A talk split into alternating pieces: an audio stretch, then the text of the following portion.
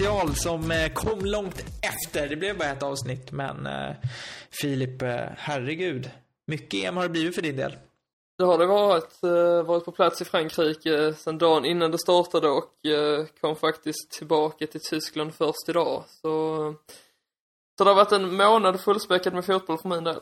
Vad, vad ska man säga, vad har varit de bästa minnena? Om du bortser från det fotbollsmässiga, vad, hur har du upplevt Frankrike under din månad i, under EM, så att säga? Jag har ju faktiskt aldrig varit i landet tidigare. Um, började i Paris och i norra Frankrike. Och blev sjuk typ första veckan, blev aldrig sjuk annars men åkte på en förkylning. Och det säger väl lite om hur vädret var, eh, var där i norra Frankrike. Du, men, eh, du drog inte på AC'n på högsta på hotellet och sov med den på? Nej, faktiskt inte. Det eh, misstaget har jag lärt mig av sen tidigare. Men eh, nej, men det var faktiskt, det var grått och det var mycket regn och man var ute och, och arbetade, gjorde intervjuer och sånt här. Så det var väl helt enkelt det som gjorde att jag blev sjuk. Men eh, Paris är en fantastisk stad. Jag måste ändå säga att södra Frankrike var väl det bästa ändå. Med Nice och, Nice och Marseille och sen så var jag även en sväng i Monaco så jag har inte mycket att klaga över. Spelar du något i Monaco? Om jag spelar någonting? Ja, gick du in på kasinot och körde lite?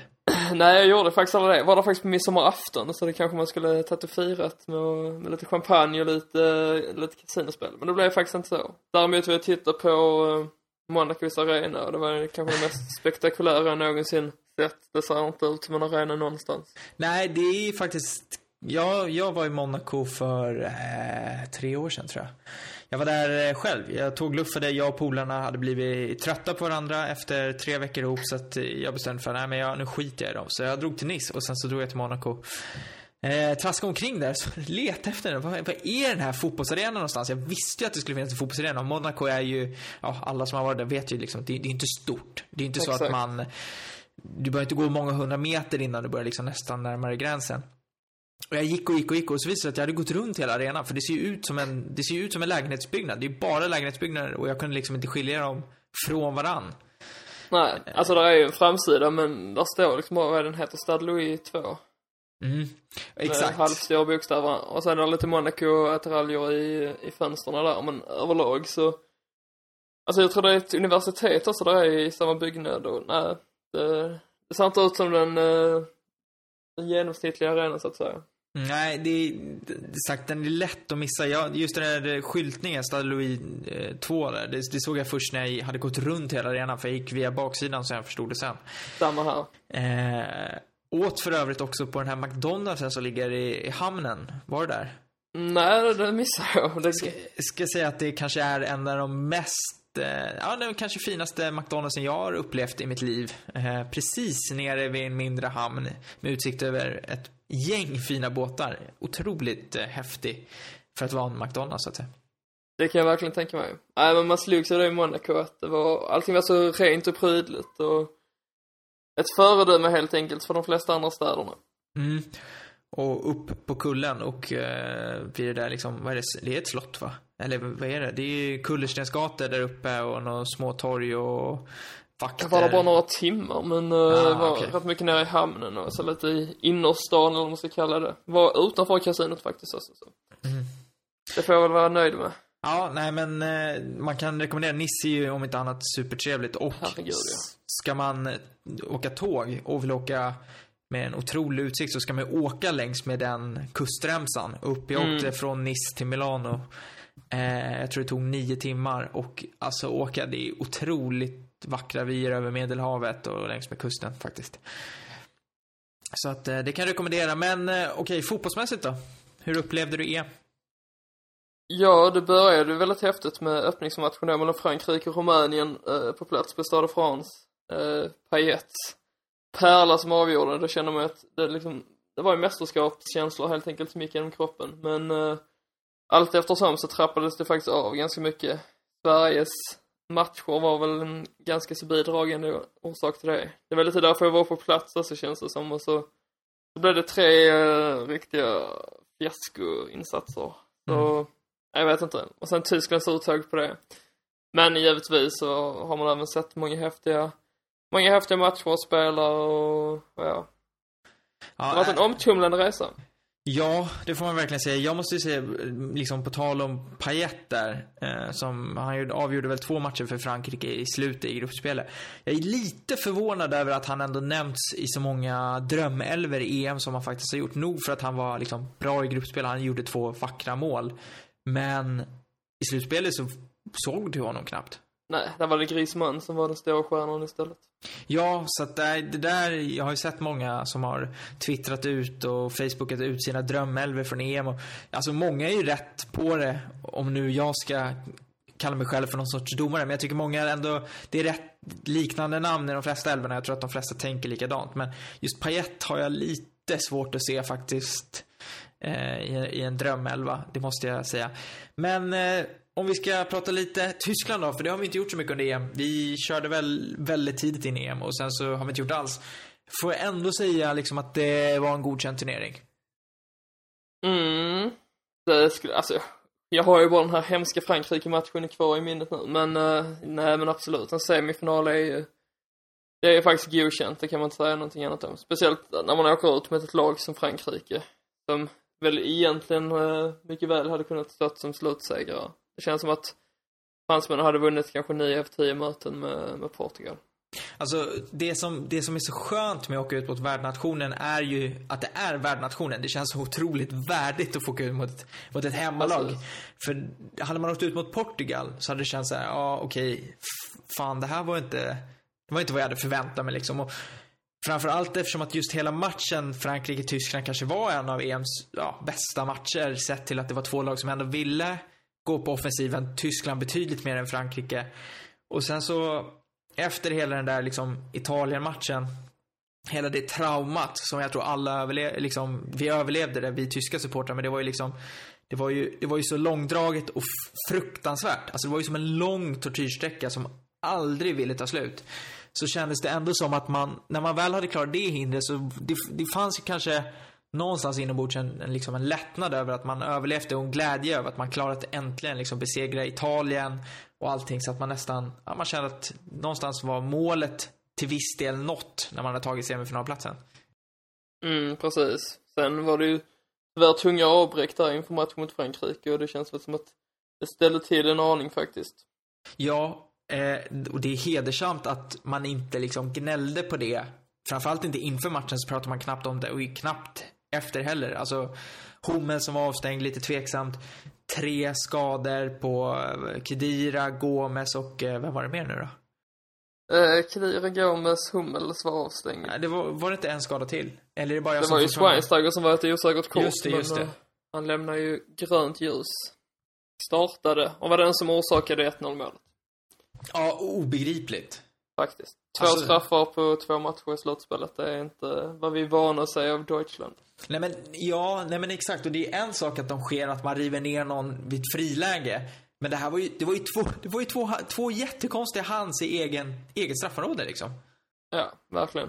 Boatengs... Eh, Boatengs eh, går liksom inte ens att diskutera. Det roliga var att jag såg dem på en restaurang och hade intagit några öl och brister ut i ett att bollen tog i ansiktet på Boateng. Men eh, det fick jag inte så mycket gehör för. Och sen på reprisbilderna så det ser man klart och tydligt att den tog ansiktet. Ja, och många upptäckte ju liksom inte Schweiners hand från början. Jag tyckte jag såg den, jag skulle vilja påstå att jag såg den ganska omedelbart på tv-bilderna. Men den är ju också så, alltså, eller jag förstår ju varför han har armen där, för att han ska hoppa upp på någon vänster. Men just, Mm. alltså det är otroligt att bollen träffar den där armen. Och någonstans så, det limmade lite med Schweiners mästerskap med att han missade den där straffen mot Italien när han kunde ha avgjort matchen. Och sen det här, det var ju liksom inte, hela hans säsong har ju präglats av stolpe ut liksom. Nej, men precis. Det känns väl som att det, det går sakta men säkert ut för, för den gode Schweinsteiger. Men om du får betygsätta det tyska mästerskapet, vi säger att den är godkänd, men från en skala från 1, ska vi säga 1 till 5, vad skulle du sätta för betyg på det tyska landslaget? Jag skulle nog säga en trea som innebär en godkänt. Jag tyckte gruppspelet där levde man kanske inte upp till förväntningarna men samtidigt får man väl också ifrågasätta hur stor motivationen var.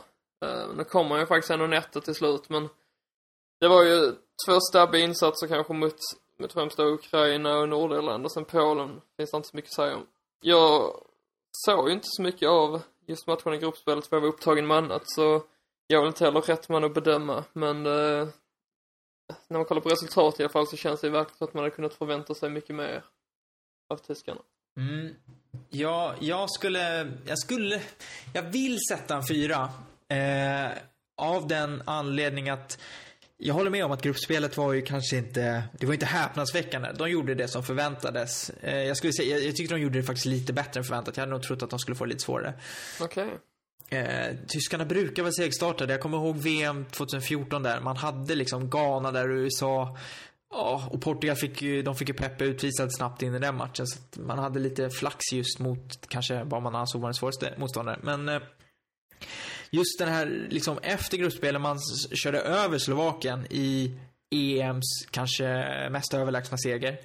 Eh, överhuvudtaget. Italien besegrade man och man borde liksom ha vunnit den matchen på, på fulltid kan jag tycka. Hade Gomes, hade, man ska, inte, man ska inte gå i de termerna men Gomes borde ju ha gjort 2-0 nästan men Buffon stod för en otrolig räddning på hans klack.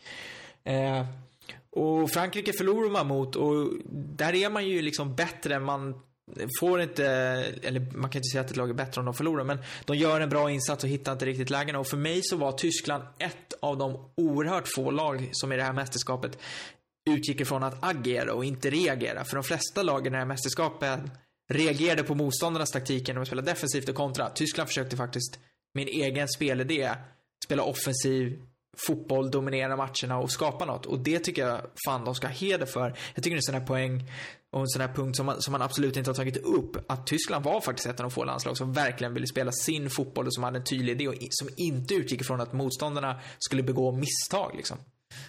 Nej, det har du faktiskt helt rätt i. Eh, det har väl inte jag heller riktigt hunnit tänka efter på, men eh, det ger jag dig absolut rätt på.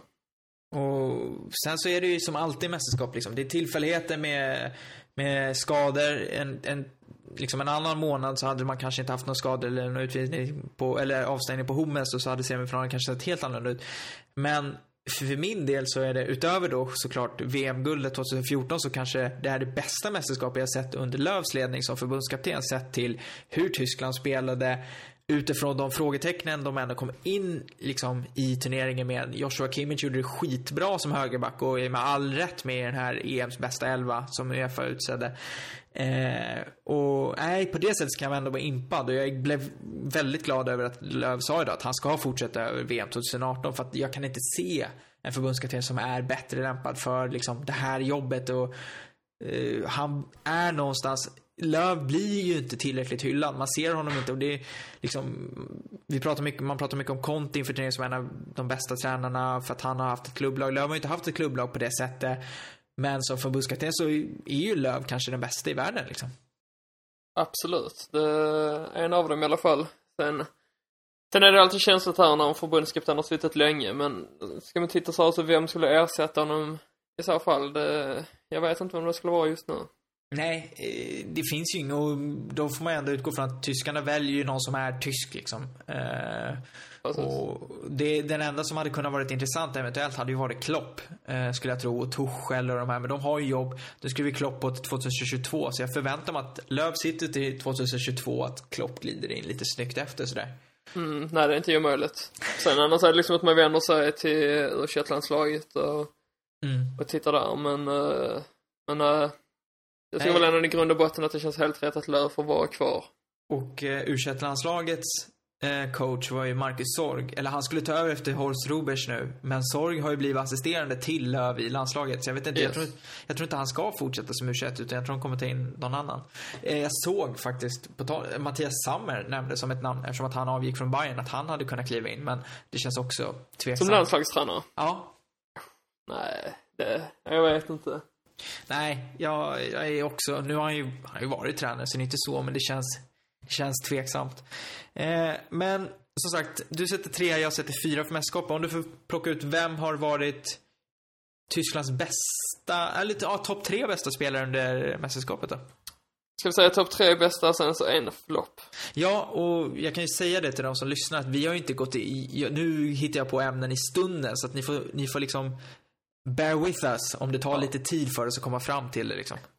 Men spontant blir alltid bäst. Nej men vi, jag minns som så här, jag vet inte om jag kan rangordna dem riktigt, men de två som dyker upp i huvudet på mig direkt är i alla fall Boateng och eh, Kroos. Mm. Eh, det är ju helt enkelt två av världens bästa spelare på sina respektive positioner och tycker att de bevisade det så att de eh, Ja, att de verkligen håller väldigt, väldigt hög klass. Uh, Kroos var den som stod, slog i flest passningar till rätt adress under mästerskapet. Och, eller var det Boateng som var etta till och med? Kroos tvåa. Bra stats i vilket fall alltså. Ja, definitivt. Alltså de, de utgör en sån otroligt viktig grund i, i hela landslaget och det är verkligen de som, uh, som man, ja, nu, nu behöver man väl egentligen inte bygga ett, ett tyskt landslag för det står ju redan där. Men det är väl de som är de stora grundpelarna i grund och botten. Neuer, Boateng och eh, Kroos och till viss del Thomas Müller. Som eh, jag kommer in på senare. Eh, men den tredje spelaren får väl då bli Kimmich nästan. Som, mm. han har ju inte varit med tidigare och kommer in och gör det så pass bra. Avsaknad av en ersättare till Filip Lam sen, sen 2014 när man vann VM har ju ständigt funnits där. Men då känns det faktiskt som att man slutligen har hittat sin, sin ersättare. Det är väldigt glädjande. Ja, imponerade också mot Italien i 3-5-2. Han har varit bra på högerkanten, Kimmich. Mycket bättre än vad jag hade kunnat Precis. tro. Och sen är ju frågan, uh, frågan är var ska han då spela i klubblaget? Han är i grund och botten inom mittfältare, har blivit om, eller fått ta rollen som, som mittback och sen jag plötsligt en högerback i landslaget. Mm. Eh, ska jag köra min topp tre? Det tycker jag. Eh, men jag håller med dig om eh, Boateng och Kroos utan inbördes ordning. Eh, och det är väl inte, det, det, är inget, det är inte chockerande att vi nämner dem. De blev ju också uttagna tillsammans med Kimmich så, i Uefas bästa elva. Jag vet inte om det är något, fler, något landslag som hade fler än Tyskland, men tyskarna hade Portugal tre i alla fall. möjligtvis kanske. Jag vet inte. Ja, eh, det skulle faktiskt inte förvåna mig. Eh, kan vara tre där med. Ja, jag skulle kunna tro det också. Men nej, och det, det, alltså, jag kan inte säga mer än vad du har sagt. Det, de är så oerhört viktiga för det tyska landslaget. Har ju varit mer eller mindre felfria i den här turneringen. Sen så... Förutom uh, Boatengs hand. Ja, bortsett från den. Eh, jag tänker att man gärna, gärna ganska lätt bort i med att uh, man faktiskt gick vinnande av den där straffläggningen. Ja. Hade, hade man förlorat den så herregud vad det, den hade varit ett hett ämne där i Tyskland kan jag tänka mig. Oh ja, oh ja. Den, den verkligen hamnade i skymundan av att ja. de gick vidare. Nu skämtar man med om det. Ja, och på det sättet de gick vidare gjorde så hamnade han ju än mer i skymundan. Och att han, han satte väl sin straff sen också i straffläggningen. Han gjorde det, tack och lov. Eh, och sen så, som sagt, Kimmich eh, hade absolut kunnat hamna på en topp tre. Jag, jag, tänker bara säga, jag tar upp ett annat namn bara för att jag tycker att vi ändå ska höja ytterligare en. Får jag gissa? Det, ja. Jonas Hector. Nej, nej. Jonas Hector är alltid godkänd i alla matcher. 3 plus. Ja, Jonas Hector är arketyp, arketypen för 3 plus slash tre getingar slash tre fotbollar eller vad man nu vill ha. Han är ju det. Du kan, inte bli, du kan inte bli mer, mer uttrycket okej okay än Jonas Hector. Han är ju okej okay på allt. Ja.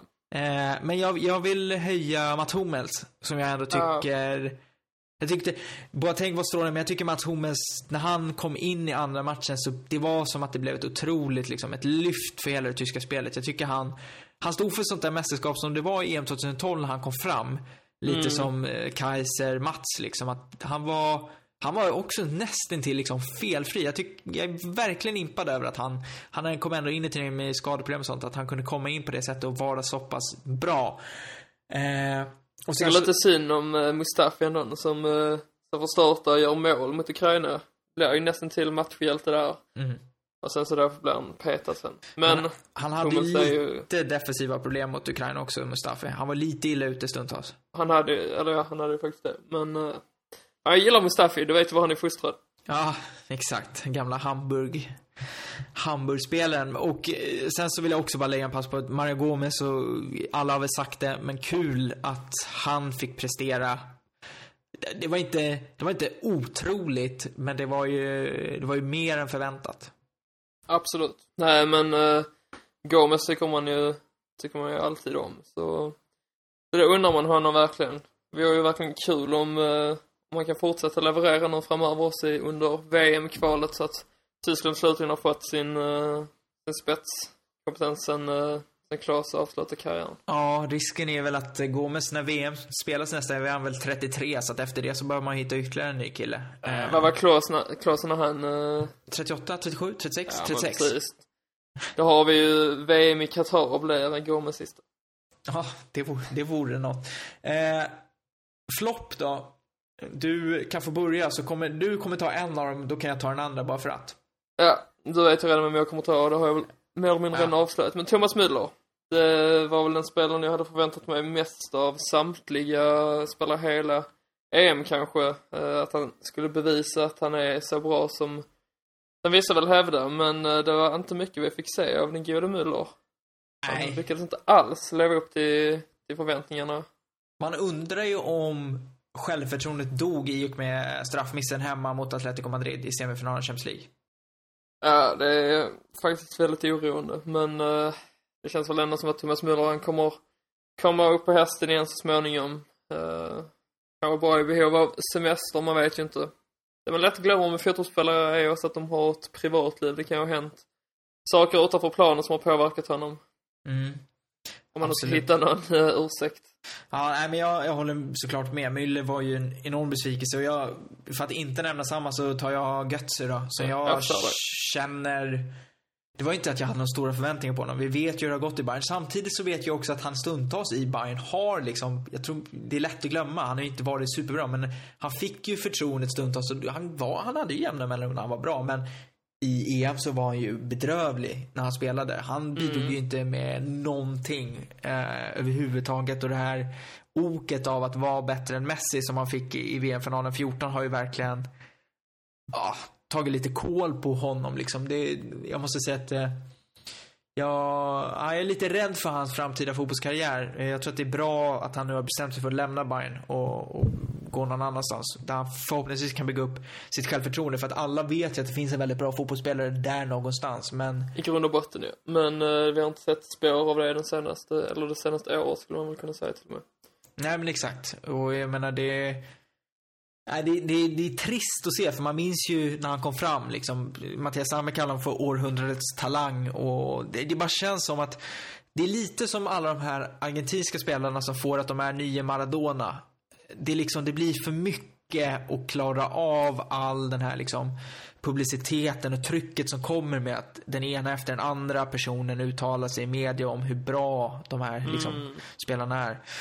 Så att äh, Götze var en enorm besvikelse för mig. Eh, tillsammans då såklart med Thomas Müller. Och det finns även flera, men de två tycker jag stod ut väldigt mycket i negativ bemärkelse. Det kan jag bara skriva under på. Il capo è ferti.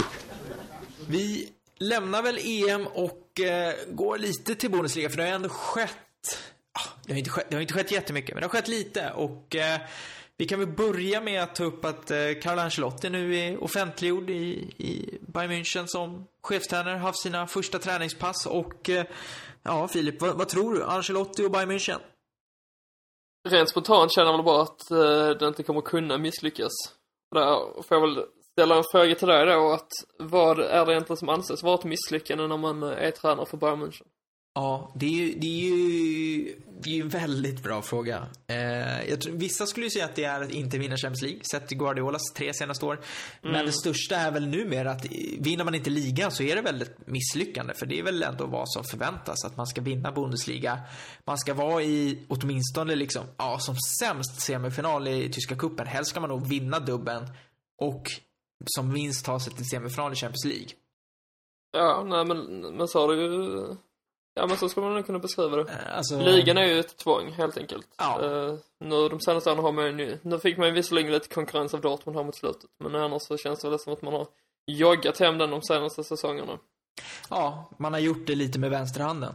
Precis, och eh, nej, utan det är Ancelotti då får försöka ordna något dåligt och vinna den där Champions League. Och Mm. glädja fansen. För det var är- de törstar efter. Vad jag gillar med Ancelotti, det är eh, sett då eh, utifrån att jag jag följer ju Bayern München, det är ju mitt lag någonstans från början liksom i Tyskland. Alltså vad jag gillar det är ju dels vibbarna man får av det här Heinkes, Hitzfeldt, liksom gubbarna. Lite äldre pondus, tryggt. Det är inte så mycket liksom, det är, det är en sån otrolig kontrast gentemot Guardiola. Jag menar, Ancelotti går upp på gårdagens presskonferens och säger att "Nej, jag känner liksom ingen större press. Jag har gjort det här förut, jag vet vad som krävs. Det är, och liksom, Han, han är hövlig, liksom, han, han pratar med mer, han, ställer, han svarar på alla frågor. Han verkar bara liksom trivas i rummet. Alltså, Guardiola är ju först och främst en fotbollstränare. Alltså, Guardiola vill ju vara på fotbollsplan. Det andra tycker han mest är jobbigt. Eh, Ancelotti känns ju som, liksom, den här arketypen, och nu använder jag det ordet igen, men han känns ju som det är inte bra att använda samma ord, sånt där typ av ord två gånger i en och samma podd. Då har man snurrat in sig. Nej. Men han känns ju som liksom skulle, skulle du ha ordet liksom fotbollstränare eller liksom chefstränare i en ordbok så vill man ha en bild på Ancelotti för att han har ju han har ju allt, han har gjort det förut, han har varit i alla stora klubbar. Han vet hur en fotbollsklubb på den här nivån ska skötas. Och han sprider bara sånt jäkla lugn. Jag, jag måste säga att jag, jag var, jag ska inte säga imponerad, men jag, jag, bli, jag blev lite glad över att det känns som att hela den här, det känns som ett, liksom ett ordentligt punkt på Guardiola-eran till ett lite mer lugnare, tryggare Bayern München. Precis. Eh, personlighetsmässigt kan man väl inte annat säga att det är ett stort lyft jämfört, jämfört med Guardiola. Sen får han ju bevisa även på, eh, på fotbollsplanen vad han kan, eller inte på planen men vid sidan om planen i alla fall, vad han kan åstadkomma. Men eh, när man gjorde klart med honom då tidigare så, så tyckte jag i alla fall att det kändes helt rätt. Eh, det är en erfaren tränare som vet vad han sysslar med. Eh, har hamnat lite i skymundan de senaste åren då, men det är ju inga lätta klubbar han har, han har varit i heller med Chelsea, eh, PSG och, och Real Madrid. Men som, i Milan till exempel minns jag honom bara med stor glädje i alla fall och jag tror att han kommer bli väldigt uppskattad i, eh, i Bayern. Men alltså, kolla, jag, jag tänker ändå, jag tänkte lite så här, jag satt och skrev en text om det idag på Fotbollskanalen. Eh, så tänkte lite så här, ja men Milan, då var det Berlusconi liksom. Ja, det är ingen lätt gubbe att tampas med. Eh, Chelsea, Abramovic, ja, samma veva där. PSG, det är Qatar va? Precis, så det, hela det projektet har ju varit Ja. liksom upp och ner. Det kvittar hur bra den har presterat så Och, det finns ett större namn att plocka in så tar man det. Ja, exakt. Och Real Madrid så är det Florentino Perez. Mm. Eh, och, och så kommer han någonstans till Bayern München som visserligen har haft, nu lär väl hörnet kanske dyka upp igen, men Rummenigge, och det är ju, det är ju tuffa gubbar, men det är, det är ju inte i närheten av vad han har handskats med förut. Alltså Bayern München är ju, det är ju, det är ju en läckerbit. För, för, liksom politiskt för vad, liksom, jämfört med vad Ancelotti hanterar förut. Han måste ju tycka att Bayern München är, det är liksom ett smörgåsbord av möjligheter, för det kommer vara betydligt enklare för honom liksom. Och sen är frågan om det är på gott eller ont. Men, eh, Ja, det men han kommer ju prestera, det, det är jag helt säker på. Alltså det är, det är svårt att inte prestera. Nu får han Hummels och Sanchez på det och Sanchez var ju strålande i, Ja. i, i EM. Så att nej, det ska bli spännande att, att se Ancelotti. Tycker han har gjort ett eh, bra första intryck i alla fall. På tal om strålande EM och Sanchez och Portugal. Eh, Guerreiro där, portugisiska vänsterbacken, Yes. som har hamnat i Dortmund. Det, det känns ju som en toppvärvning. Ja, det gör det ju definitivt. Men jag blev lite förvånad när det stod klart, för det var ju inga småsmulor man betalar för honom. Med tanke på att man redan sitter på Ginter, Piszek och Dorm och, och Schmelzer. Uh, fyra andra hyfsade ytterbackar får man väl säga, men eh, det känns som att Guerrero här, eller Guerrero, Ja, jag bara tänker på Paolo Guerrero, den gamla HSV-anfallaren. Så jag Som- säger Guerrero. som mest ihåg kommer för, var det han slog ner någon va? Han eh, saxar ju ner det. Sven Ulreich.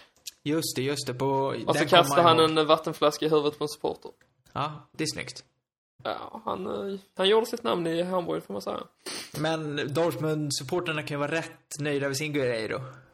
Ja, definitivt. Han, eh, han lär väl bli en nyckelspelare redan nu till kommande säsong om han fortsätter som han har, han har gjort. Eh, Frågan är bara vad som händer med de andra ytterbackarna man redan har. Ja, eh, det blir spännande att se. Och jag måste också ta upp ett annat namn från EM som, som jag vet att ditt Hamburg ville ha inför. Ja. Och det var ju Moussa Sissoko. Precis. Ehm, jag blev väldigt glad när jag fick höra om, om ryktet. Sen träffade jag Noah Bachner nere i, uh, nere i Bordeaux som har stenkoll på Newcastle och han Pulveriserade ju de förhoppningarna och sa att det var en eh, fruktansvärd spelare att ha att göra med. Uh, rent personlighetsmässigt då. Det är en egoistisk uh, herre det där. Uh, det har vi ju haft så det räcker att bli över av sedan tidigare i Hamburg så i grund och botten kanske jag är glad att han inte kommer. Uh, det pratas om att man skulle bygga hela laget kring Cissoko då.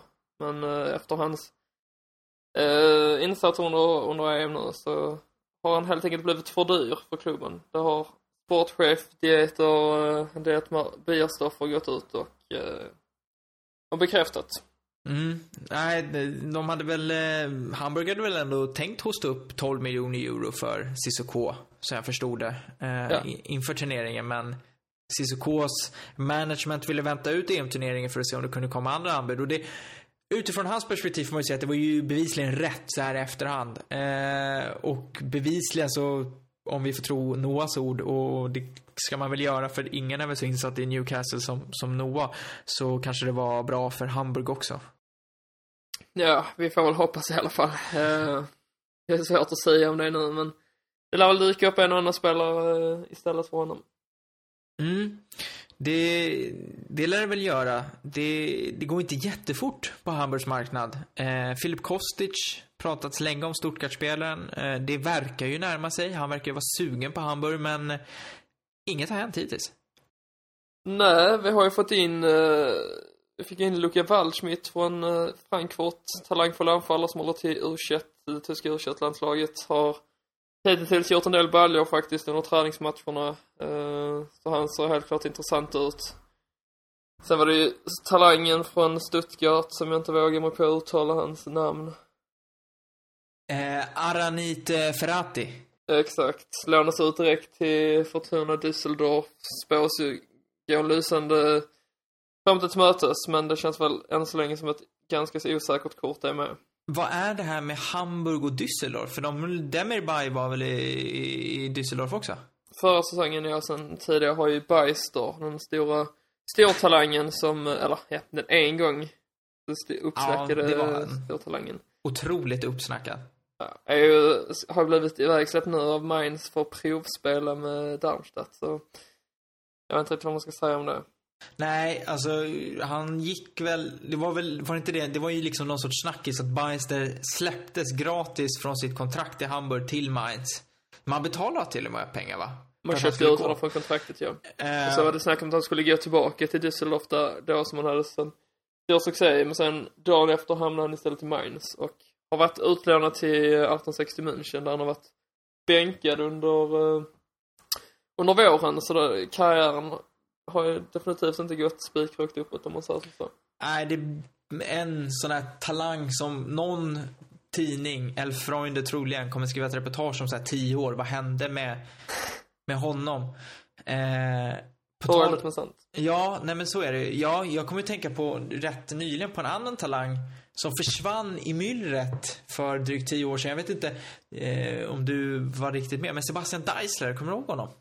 Sebastian Deisler, absolut. Han har väl lagt eh, skorna på hyllan om jag inte missminner mig. Jo, han la ett tag sedan. Väldigt, väldigt länge sedan. Jag skulle tro att det var ganska exakt tio år sedan. Eh, depre depression där. Hamnade i Bayern München från Hertha. Var han med i VM 2006?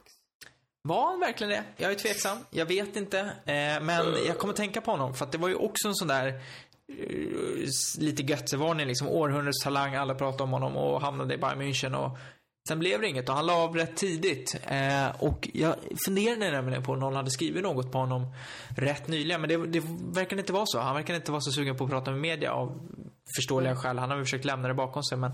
Mm. Det... Han är inte mer än 36 år gammal så jag. Så hade mm. han kört på så hade han väl äh, lagt skorna på något kanske en, två säsonger sen bara. Exakt, så att äh, det, det, det, är trist när sådana upptalade talanger förr eller senare försvinner av olika anledningar. Beister har ju haft problem med skador. Eh, bland annat. Mm. Ja, på tal om talanger så är det Bobby Wood. Har också kommit till Hamburg. Ja. Det är väl det största stjärnnamnet hittills.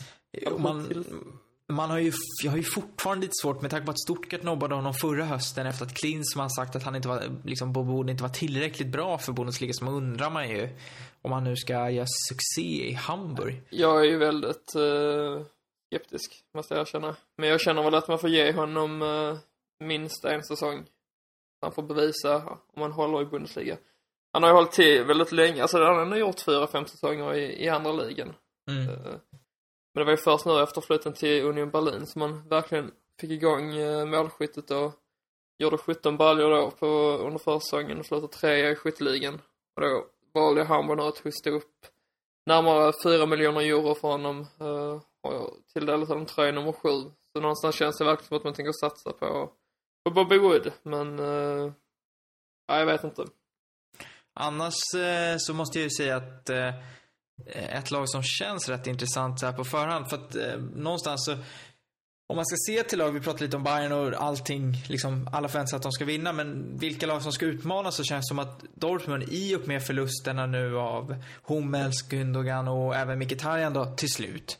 Eh, så känns det ju som att, jag menar deras aktie har ju tappat rätt rejält i kampen om att utmana Bayern.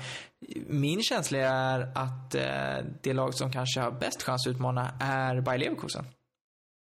Just nu så skulle jag kunna hålla med om det, ja.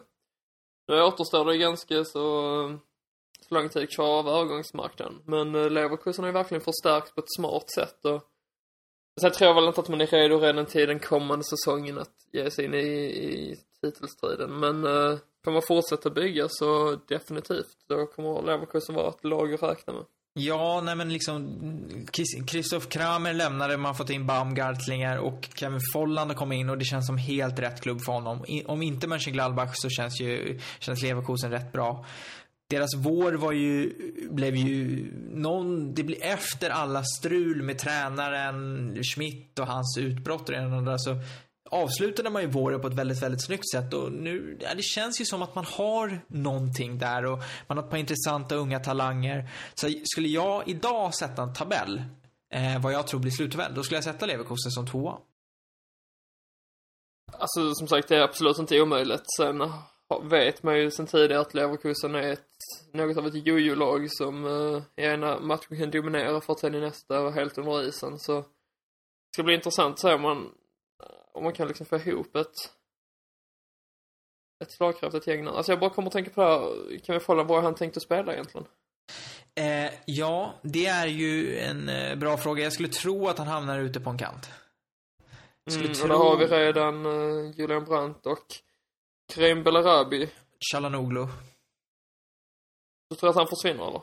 Nej, jag tror att Chalanoglu, man har dubbel uppsättning. Eller att man drar ner Chalanoglu lite längre ner i plan.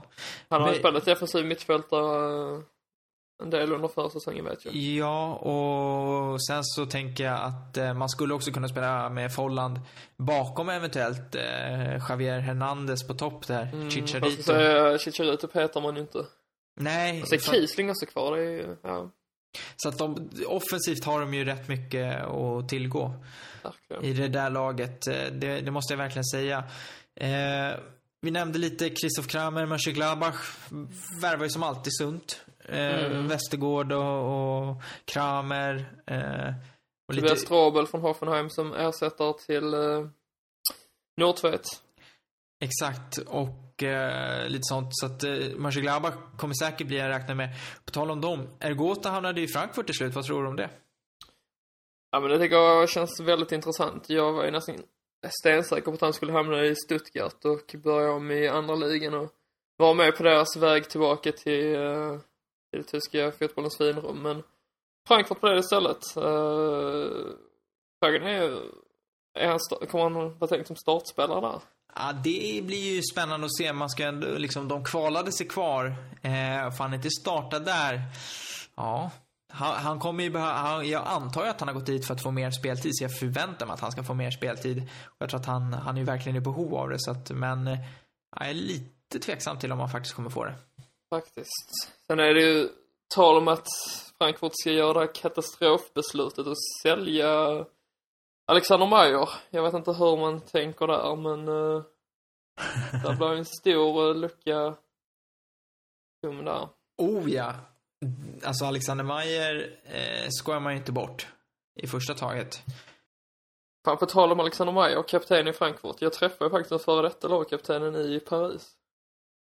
Kevin Trapp? Mm. Mm, jag såg någon bild där på gatan av att du hade träffat honom. Trevlig? Absolut. Jag började prata tyska med honom, så då blev han intresserad.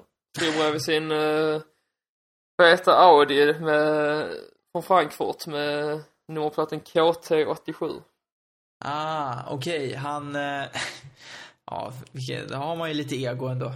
Ja men absolut. Men det är ju många fotbollsspelare som har det. Men, eh, men ja, nej men det var ju, det var kul. Det var bara lite sådär inflikelse. Ja. En värvning till jag skulle ta upp är ju Brila Mbolo som gick till eh, Schalke under stundande EM. Ändå en rätt stor värvning av Schalke som bara några dagar innan hade sagt att vi kommer inte värva några spelare för liksom tvåsiffrigt. Och sen så dunkar de in en Mbolo för 27 miljoner euro. Eh, och då undrar man ju, vad, vad tror vi om det här? Det är ju rätt mycket pengar för, vad är han, 18-19 år? Ja, han är väl 19 bast. Men, eh, vill du veta vad jag tror? Ja. Jag tror det blir en superflopp. Du tror det? Varför då? Jag kan inte riktigt uh, motivera varför med tanke på att han, alltså om man säger så här, under EM bevisar han väl egentligen ingenting. Men det är bara en känsla jag har. Ja, Alltså, det känns så typiskt Schalke också lägga dessa pengarna och så blir det ingenting av det. Jag har ja. sagt tidigare att, uh, att Schalke känns som att de är på väg att bli det nya Hamburg. En storklubb som uh, hamnar på dekis och som kommer få det kämpigare allt eftersom.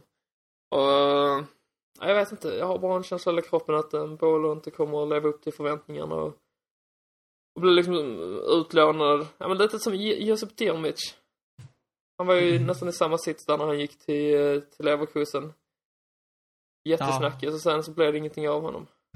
Nej men exakt. Nej, jag är lite spänd på att se. Jag, jag, man är ju generellt eh, lite allergisk mot det här med att värva unga spelare för sådana stora summor. Eh, och att det finns en sån otrolig flopprisk över den typen Mm. av värvningar. Eh, lite som liksom vi har sett med Dembele eh, till Dortmund och Sanchez till, till Bayern. Även om Sanchez och Dembele kanske känns lite mer etablerad än Bolo, men det är kanske bara i mitt huvud. Men ja, nej. Det, det blir spännande att se. Det är verkligen upp till bevis för honom i alla fall. Ja, verkligen. Eh, det får man säga. Schalke har ju som, som jag alltid säger, de har ju något på G. Men eh, det börjar, ju- tiden börjar rinna ut. Jag håller med om att de börjar få lite den här auran av att eh, vara på väg neråt och inte, och liksom, man, nu slår, försöker man kämpa sig kvar med näbbar och klor genom att värva dyrt och det kan kosta om det skulle börja gå sämre. Il capo è fertig. Är det någonting mer vi ska tillägga innan vi kanske Här finns ju avslutar? faktiskt ganska mycket att ta upp egentligen. Ska vi säga en sån som Ja. Sandro Wagner som går till Hoffenheim? Ja, jag har ju pratat mycket om Sander Wagner. Tycker, eh, superego såklart, fostrade Bayern München. Eh, Mm. Bryr sig bara om pengar, om man får tro vissa. Var ju på tal om att han skulle gå tillbaka till Bayern också ett tag.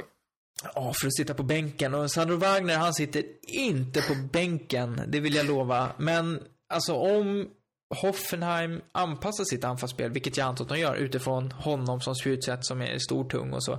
Eh, och liksom bra target, så ja, då, då, det är klart, de kan ju få rätt mycket mål räknade på honom. Men jag, jag är inte heller helt övertygad om att han är, liksom, hamnar i rätt omgivning. Äh, Han lär väl vara bättre än vad Kurani har varit i alla fall. Ja, det är svårt att vara sämre i alla fall. Precis. Men äh, jag har hela tiden sagt att Wagner är lite av en one-hit wonder. Uh, hade en fantastisk säsong, men jag tror inte att det blir en uh, liknande målskörd för Hoffenheim faktiskt. Det tror jag inte. Nej, det tror inte jag heller. Men då står man dessutom bakom uh, Kramaric. Ja, och det finns Mark Ott har du ju där också som har varit spelat lite på topp Ja. och sådär så att nej. Där eh, finns det lite att kämpa om. Jag tycker annars att eh, Benjamin Hübner i, som Hoffenheim har värvat från Ingolstadt, det är känns som ett bra, Mm, en bra försvarare att ta in som mittback där. definitivt. Vad säger du om eh, Werner till uh, Leipzig då? Ja, ja jag läser, man läser ju mycket om Werner. Man har ju följt hans karriär rätt. Känns som att man har följt den länge, men han är ju inte, eh, liksom, han kommer ju upp väldigt tidigt i Stuttgart. Jag är, ju- jag är inte så jävla övertygad om att Werner kommer bli den där storspelaren som så många har trott och hoppats på. Alltså, han är 20 år nu och i mina ögon så har han ju aldrig riktigt liksom, han har, inte, han har inte imponerat på det sättet så att jag känner att ja, men det här är det nästa the real deal. Liksom. Eh, I Leipzig, ja, kanske, men han slåss ju med rätt mycket bra spelare där om en plats. Bland annat Mm. David Selke som man tyckte var strålande i Bremen och som har varit mer eller mindre bänkad. Eh, Josef Paulsen har i Leipzig också som är väldigt bra. Mm. Nej, jag tror att Werner kan få det tufft. Ja, nej, jag tror inte heller det är någon självklar succé där. Eh, han passar in i deras uh, värvningsramar i alla fall. Uh, ung spelare med, med stor potential, men han måste också leva upp till det nu. Han, uh, Leipzig känns inte som någon klubb med någon större, med något större tålamod heller. Fan vad de har misslyckats med sin strategi. De sa ändå tidigt efter att de hade blivit klara för att gå upp i Zweite Bundesliga att inom några veckor så ska vi ha alla våra värvningar klara. De har väl gjort två eller tre hyfsat eh, Det är väl Müller, målvakten från Kaiserslautern. Det är väl Werner från Stuttgart och så Keita från eh, systerklubben i eh, Salzburg. Ja, och jag menar det är ju inte, det var ju inte vad de hade tänkt. De har ju försökt på flera och inte, ja, lite skadeglädje får man ändå känna. För när man slår sådär stort på trumman och inte lyckas och nu har EM spelats allt. Då, då börjar det osa lite alltså. Ja, du kanske får din vilja igenom att de eh, åker ut direkt. Ja, Nej, det lär alltså, inte hända. Det tror jag inte, men jag är lite glad. Ibland så kan jag bli så här, det är inget emot uppstickare som har självförtroende, men just i Leipzigs fall så känner jag att det, det, det, där med att säga att man ska ha sin trupp klar innan man åker på första träningsläger eller vad fan det nu kan vara. Det är livsfarligt för att, och speciellt när det är en EM-turnering, precis som i Cissoko-fallet liksom. Många spelare använder det som skyltfönster. De vill inte gå under EM och mycket står stilla till följd av att det spelas ett Europamästerskap. För de stora klubbarna väntar med att göra sina värvningar och det påverkas Leipzig av. För att de måste vänta mm. in resten av transfermarknaden. Så att nej, det där var, det var ett korkat uttalande och det har de fått äta upp. Ja, vi får väl se vad det slutar. Uh, gott om pengar har de i alla fall så, så de kan bli desperata mot slutet och, och hostar upp helt hutlösa summor för medelmåttiga spelare. Jag vet inte. Nej, eh, vi kommer helt klart följa den utvecklingen. Var det något annat namn du ville ta upp? Här är som sagt rätt många, men eh, jag vet inte hur mycket tid vi har kvar. Eller ska vi köra på? Och sen var vi äh, kör på. hamnar. Jag tycker Jeffrey Broma till Wolfsburg är väldigt intressant. Uh, gjorde ingen stor succé när han var i Hamburg för några år sedan. Hamburg hade chans att köpa loss honom från Chelsea, tackade nej. Sen hamnade han i PSV Eindhoven och där har det väl gått desto bättre. Och nu köper alltså Wolfsburg loss honom därifrån. De holländska mästarna för närmare 12 miljoner euro. Och det var väl en spelare man eh, såg i Champions League antar jag, när man möttes i gruppspelet. Så att han eh, borde ju, man borde ju ha sett tillräckligt av honom för att känna sig övertygad om att han ska tillföra. Eh, och med tanke på att Naldo har försvunnit där. Ja, och, ska precis säga, han är väl tilltänkt som ersättare till Naldo.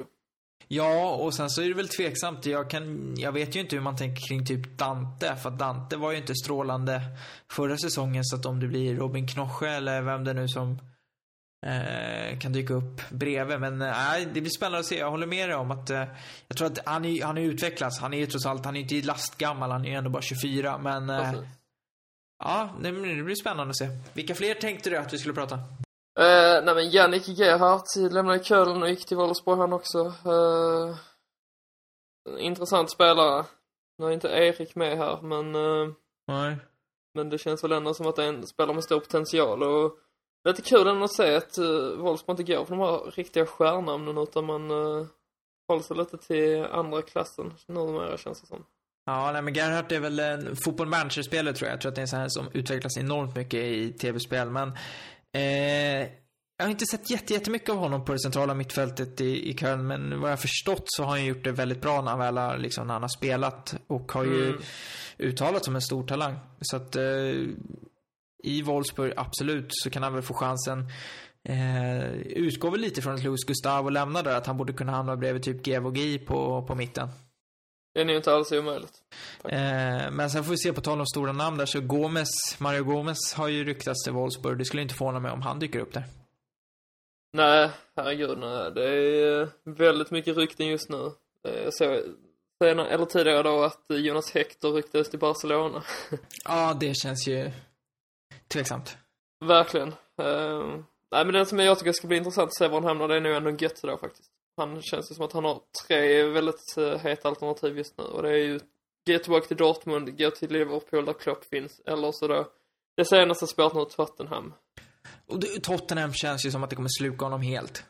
Ja, det, det, kommer inte, det kommer inte gå bra, det tror inte jag heller. Nej, men nu har ju Tottenham Pochettino och så, och de gör ett jättebra jobb, så det är inte det, men de har, Tottenham har väl ett litet rykte om sig att värva offensiva mittfältare och det har inte alltid gått vägen. Gött eh, känns lite så alltså. Det känns som Götze behöver gå till en klubb där han får stå i centrum, men han, han kanske skulle provat på typ Wolfsburg eller något sånt. Jag hade Ja. inte tyckt om att se Götze Wolfsburg i grund och botten, men kanske hade det varit bra för hans karriär. Speciellt nu om Schürrle då försvinner till, eh, till just Dortmund. Ja, nej men det kan, det kan jag hålla med om. Han hade, alltså Götze, eh, mycket, som du säger, han ska ju vara stjärna, eller spelet ska ju liksom gå runt om Götze och anpassas till honom och då kan han, kan man få ut väldigt, väldigt mycket av honom. Eh, så det blir spännande att se, men på tal, du nämnde det här häktet Barcelona, på tal om lite Barcelona, det sägs ju att Messi inte kommer förlänga sitt kontrakt. Eh, Och då gissar jag att den kopplas samman med Bayern München. Ja, men jag, jag vill ju placera honom i Bayern München. Det känns... Vill du han- ha honom i Bayern München? Nej, det, det säger jag inte. Men känslan är ju så här liksom, han, han kommer vara typ 30-31 år när det här kontraktet går ut. Och jag säger inte att han kommer lämna Barca. Men om det nu skulle vara så, för att han eh, inte tycker att klubben har stöttat honom och det ena och det andra. Då känns ju, om man vill ha den typen av grej, att han vill ha en klubb där han känner sig trygg och som stöttar honom och sådär. Då är ju Bayern München, det är lugn tillvaro. Det är en klubb som stöttar sina spelare ut i, liksom, i det yttersta. Kolla på Ribéry som har fått all stöttning i världen. Och det bara känns som att det är ändå ett det, det är ett rimligt steg om man inte vill utmana sig själv i Premier League.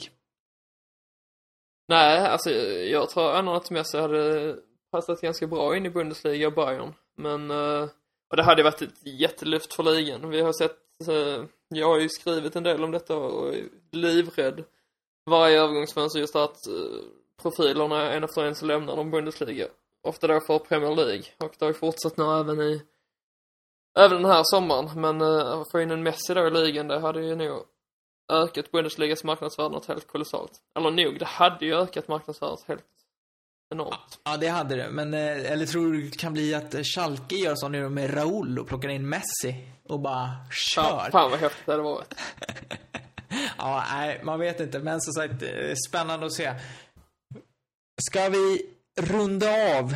Det tycker jag. Eh, Som sagt, det är massvis med rykten, men eh, det blir ganska tjatigt att sitta och lista. Eller? Ja, vi kommer kunna ta upp dem. Vi har ett par veckor på oss innan eh, ligan, ligan sätter igång. Ska vi, det kanske vi ändå ska ta upp. Eh, första Max omgången. Nej. Eh, Är han klar för, för eh, ditt Hamburgen eller? Nej, det var var ju tyst kring honom. strular. Det har varit väldigt tyst kring Kruse faktiskt de senaste Jag veckorna. vet. Men du vet att Hamburg arbetade tyst ännu mer. Så helt plötsligt så lägger de väl ut på Twitter att han ska komma på läkarundersökning. Ja. Eh, så kan det Det vara. så. Men eh, första omgången har ju faktiskt eh, lottat. Just det. under all den här tiden. Bayern Bremen eh, inleder säsongen. Mm. Det är Eh, alltså en uh, målfest där i öppningsmatchen. Ja, det, det brukar bli mycket mål. Jag gick ju tillbaka och kollade en rätt redig målskillnad till Bayerns favör hemma mot Bremen de senaste 5-6 matcherna. Eh, det är fredag den 26 augusti. Sen så, första helgen är då, då har vi Frankfurt mot Schalke. Augsburg mot Wolfsburg. Hamburg mot Ingolstadt. Köln mot Darmstadt. Dortmund mot Mainz. Gladbach Leverkusen. Hertha Freiburg och Hoffenheim Leipzig. Så att vi har ju, ja, ditt Hamburg, längtar redan. ditt Hamburg mot Ingolstadt. Ja, typisk 0-1 match alltså seger för Ingolstadt. Jag anade att du skulle säga det. Den stora, den stora matchen känns väl ändå som så här på förhand. Gladbach Leverkusen känns ju som ett... Ja, eh, utan tvekan. Herregud. Det kommer vara en värdemätare utöver det lika. Vad var det? Var det Gladbach Dortmund förra säsongen va? Exakt. Det var ju då Mm. Dortmund gick och vann med 4-0. Precis. Och det trodde man ju inte. Uh, nej men det, det känns som att Gladbach och, och uh, Leverkusen, se- alltså de är ju typ samma nivå just nu. Så den matchen kan ju faktiskt bli väldigt, väldigt viktig. Mm. Och sen eh, Hoffenheim Leipzig. Det är ju Ragniks gamla lag mot Ragniks nya lag på Ja. något sätt. Det är plastigt värre. Verkligen. Men uh, också väldigt intressant att se. Ja, Hoffenheim har ju väldigt mycket att bevisa och la- ja, likställer Leipzig egentligen. Nu, de har ju inte direkt varit ödmjuka tycker jag i sina uttalanden så nu är det verkligen upp till bevis. Ja, nej men det, det, ska bli, det ska bli eh, spännande att se. Man blir ju sugen på att eh, köra en fredag till söndag och se åtminstone tre matcher. Ja, Eh. så får det bli. Men eh, som sagt, det, det är ett tag eh, kvar tills den 26 augusti drar det igång. Filip, var hittar man dig på sociala medier? Det är väl Twitter som gäller då i vanlig ordning och det är snabel och volym med nolla istället för o. Ja, och eh, mig hittar ni på Twitter också, snabel AT Nilsson och eh, ja, Bundesliga-podden var tillbaka idag och nu har jag försökt boka in folk här så att vi ska försöka köra på lite under de kommande veckorna. Ja, som vanligt. Det får vi hoppas. Det är hög tid nu. Så det är så, så att vi tackar för den här gången och eh, så säger vi på återseende. På återseende, ciao! Tschüss!